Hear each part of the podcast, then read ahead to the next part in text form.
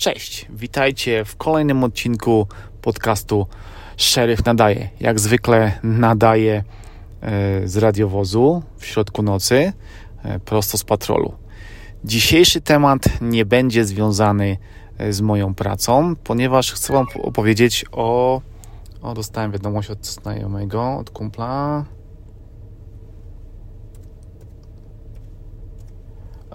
Dzisiejszy temat będzie o polowaniach, a dokładnie o różnicy między e, polowaniami w Nevadzie a polowaniami w Polsce. Zacznijmy od tego, że polowania, e, w żeby polować w Nevadzie, nie trzeba być e, w żadnym kole myśliwskim, w żadnym związku, nic w tym stylu. Po prostu wystarczy wyrobić sobie licencję myśliwego to wyrobienie trwa jeden dzień, to jest kurs online, e, który trwa parę godzin i po nim e, zdajemy egzamin online i dostajemy licencję. Licencja kosztuje 75 e, dolarów na rok i pozwala na udział w loterii, w której losowane są pozwolenia na odstrzał zwierząt.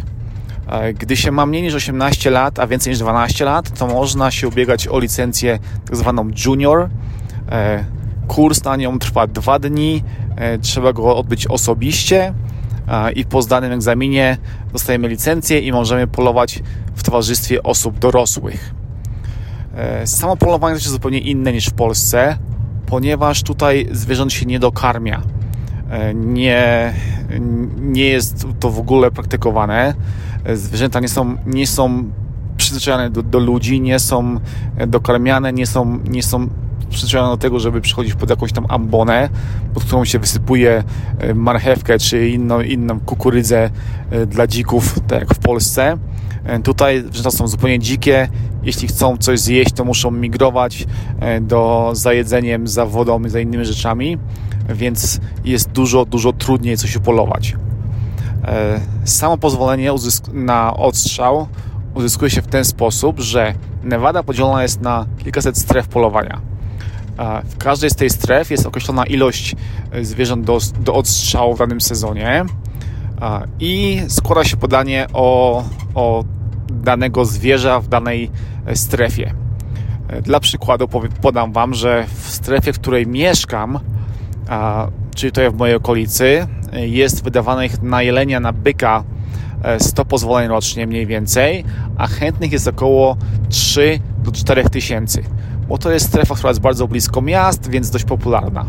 Ja w niej e, aplikowałem 4 lata i bez, bez, niestety bez skutku, a w tym roku stwierdziłem, że zaaplikuję w zupełnie innej strefie, w której w zeszłym roku było wydanych pozwoleń 120 na 600 chętnych, więc szanse były dużo większe i faktycznie udało mi się, uzyskałem pozwolenie na jelenia, na byka, którego można było odstrzelić z broni e, współczesnej, na amunicję scaloną, bo od broni też zależą sezony. Sezon zaczyna się w sierpniu mniej więcej od, e, od łuku i trwa mniej więcej miesiąc. Później we wrześniu jest sezon na broń czarnoprochową lub ładowaną odprzodowo. I gdy on się skończy w październiku, jest, zaczyna się sezon na broń współczesną, na amunicję staloną.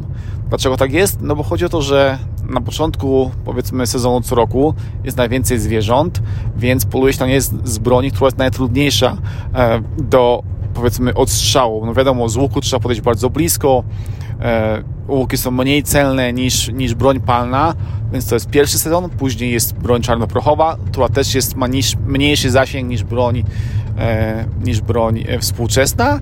No i na końcu jest broń współczesna. E, także takie jest to rozwiązanie.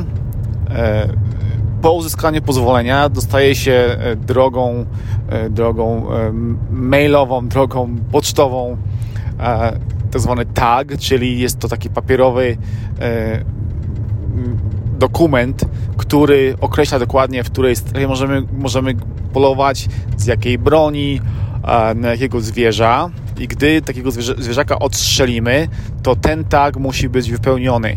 czyli jest na nim nasze imię, nazwisko, nasz adres już wydrukowany, a my musimy wypełnić kiedy, w jakim dniu odstrzeliśmy zwierza, zwierzaka, jak on wygląda, czyli jeżeli ostrzelimy jelenia, to musimy napisać, że na prawym rogu ma na przykład e, cztery rozgałęzienia, na lewym ma też cztery rozgałęzienia e, i waży mniej więcej tyle i tyle. E, chodzi o to, żeby po prostu tego taga e, no nie, nie dać komuś innemu albo lub nie wykorzystać go kilka razy w sezonie, bo to jest tylko pozwolenie na jednego zwierzaka. E, polowanie tutaj trwa co najmniej kilka dni, bo to jest tak, że tak jak mówiłem, nie dokarma się zwierząt, więc trzeba je wyśledzić. E, często ludzie jeżdżą na polowanie na cały tydzień lub nawet na dwa tygodnie, e, jeżeli strefa jest duża. Moja strefa w tym roku miała e, mniej więcej 100 mil szerokości i 80 mil wysokości, więc była to dość duża strefa. A w mojej strefie w zeszłym roku statystyki pokazały, że szanse na polowanie jelonka były słabe, ponieważ na 120 wydanych pozwoleń e, do polowania podeszło 118 myśliwych w ciągu tych e, wszystkich sezonów. A, I z tych 118 myśliwych tylko 23 udało się e, jelonka pozyskać. No więc szanse miałem niewielkie. Nie miałem też zbyt dużo czasu, bo żona jest w szkole, dzieci są w domu, więc ja muszę poświęca się bardziej rodzinie niż polowaniom, więc e, polowanie tylko miałem, mogłem zrobić e, jeden dzień w tygodniu, e, więc tak też, tak też zrobiliśmy. Jeździłem z kumplem, który jest doświadczonym myśliwym. Pierwszego dnia pojechaliśmy, zajęło nam to 15 godzin łącznie. Przejechaliśmy ponad 400 mil, z czego większość po drogach szutrowych, szukając oznak jeleni, ich tropów. Znaleźliśmy mnóstwo antylop, mnóstwo dzikich koni, E, i innych zwierząt. E, jelonków brak. Dopiero pod koniec dnia udało nam się wytropić e, kilka małych stad jeleni. Niestety jelenie, te byki stały w takich miejscach, w których nie oddałem strzału, bo było niebezpiecznie, nie wiedziałem co jest za nimi.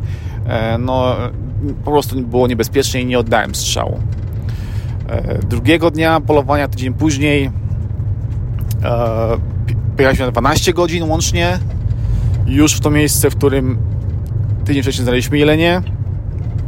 Znalazłem e, cztery stada e, jeleni, e, cztery, cztery, cztery byki z, z łoniami. A, I znowu niestety było albo były za daleko ode mnie, albo się spłoszyły za wcześnie E, albo gdy do nich podszedłem, były w złym miejscu, stały, e, coś było za nimi, albo no po prostu było niebezpiecznie, więc znowu nie oddałem strzału, nie udało się. Trzeciego dnia, w trzecim tygodniu e, polowania znowu pojechałem się to samo miejsce i tym razem już udało się. Pierwszy jeleń mi uciekł, bo one są strasznie czujne, ciężko jest do nich podejść.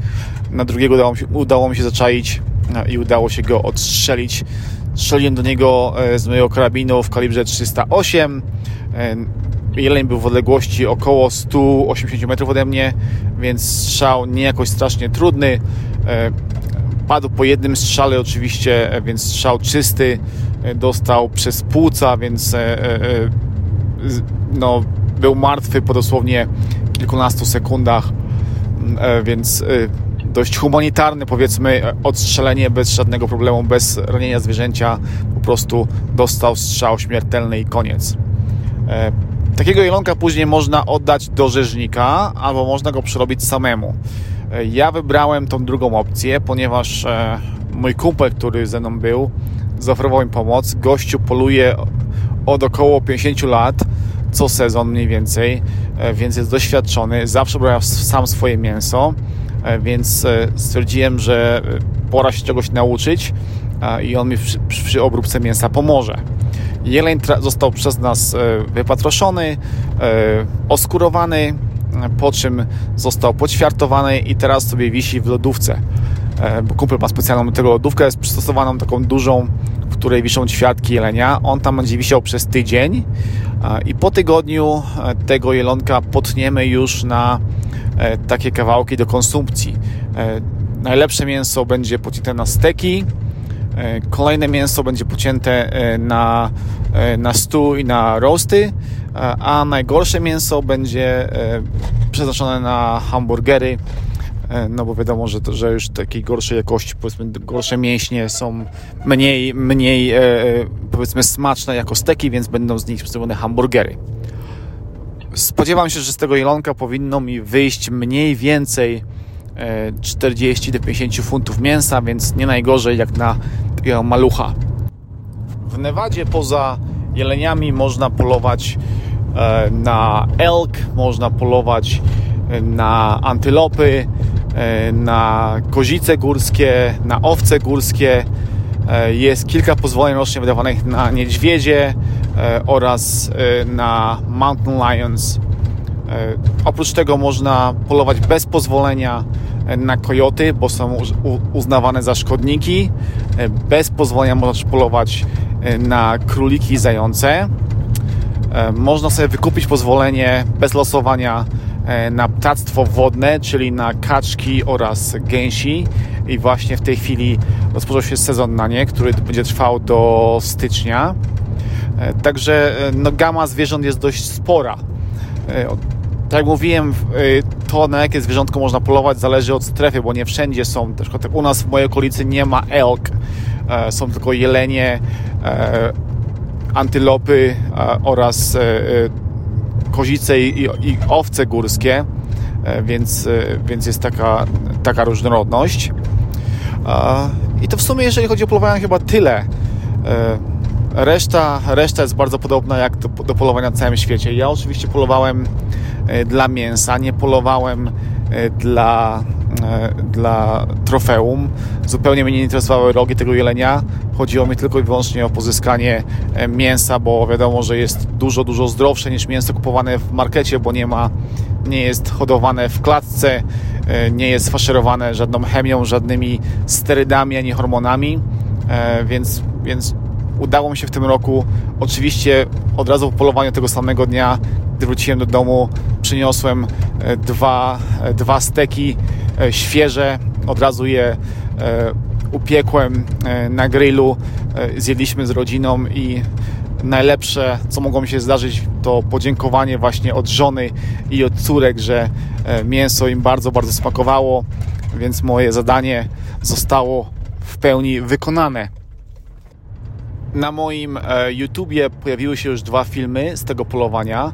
Więc jeżeli chcecie, to możecie tam sobie wskoczyć, e, zobaczyć.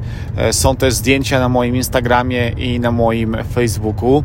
Oczywiście e, wywołało to falę hejtu. Ja się, tego, ja się tego spodziewałem. Co prawda więcej było, więcej było pozytywnych komentarzy niż negatywnych, ale i tak fala hejtu się wylała. No cóż, takie życie nie wszyscy rozumieją, że E, mięso nie rośnie na półkach w marketach, że mięso e, nie rośnie w plastikowych tackach w sklepie, że, że można je polować i w ten sposób jest zdrowsze. Mało tego, takie polowanie jest dużo bardziej humanitarne niż hodowla e, powiedzmy jakaś tam przemysłowa zwierząt, gdzie one się męczą, a potem są zabijane w nieludzkich warunkach. E, oczywiście najwięcej hejtu E, wylali ludzie, tak zwani e, weekendowi wegetarianie, którzy, jak to mówi klasyk, czyli Kazik Staszewski, co to za wegetarianin, co wpierdala schabowe, czyli ludzie, którzy mięsa generalnie nie jedzą, ale jak dziecko je i jego, no to on też kotleta wpierdzieli, żeby dziecko miało przykład staty. E, albo jak ktoś zrobi e, dobry e, dżem ze świni, czyli, czyli smalec ze skwarkami, no to też przecież to jest takie smaczne, że trzeba zjeść, prawda? I to właśnie od takich pseudo-wegetarian weekendowych było najwięcej hejtu, ale luzik. Zupełnie, zupełnie mi to zwisa, powiem Wam szczerze. Ja ludzi nie oceniam. Mieszkałem przez, przez parę lat e, z weganami, z którymi się dogadywałem doskonale. E, zresztą do dziś są moimi bardzo dobrymi znajomymi e, i, i wiedzą, że ja mięso jem, ja wiem, że oni nie jedzą. Taki ich wybór, taki mój wybór. Szanujemy się nawzajem i nie, nie hejtujemy za to, że mamy taką, a nie inną dietę. Więc ja nie hejtuję, broń Boże, żadnych wegetarian, bo to jest po prostu ich wybór. Mało tego, szanuję ich, że mają tyle samozaparcia, żeby nie jeść mięsa, które ja bardzo lubię i nie, nie, sobie nie uważam życia bez, bez bekonu. Dobra, chyba tyle, jeżeli chodzi o, o, ten, e, o ten podcast. Jak zwykle w opisie będzie, będzie mój mail, czyli e, możecie mieć ze mną kontakt. Dajcie znać, czy Wam się podobało. Jeśli macie jakieś komentarze, uwagi czy pomysły, to dajcie znać. Czekam na, na to od Was. I tyle. Dziękuję za słuchanie. Trzymajcie się. Pozdrawiam. Cześć.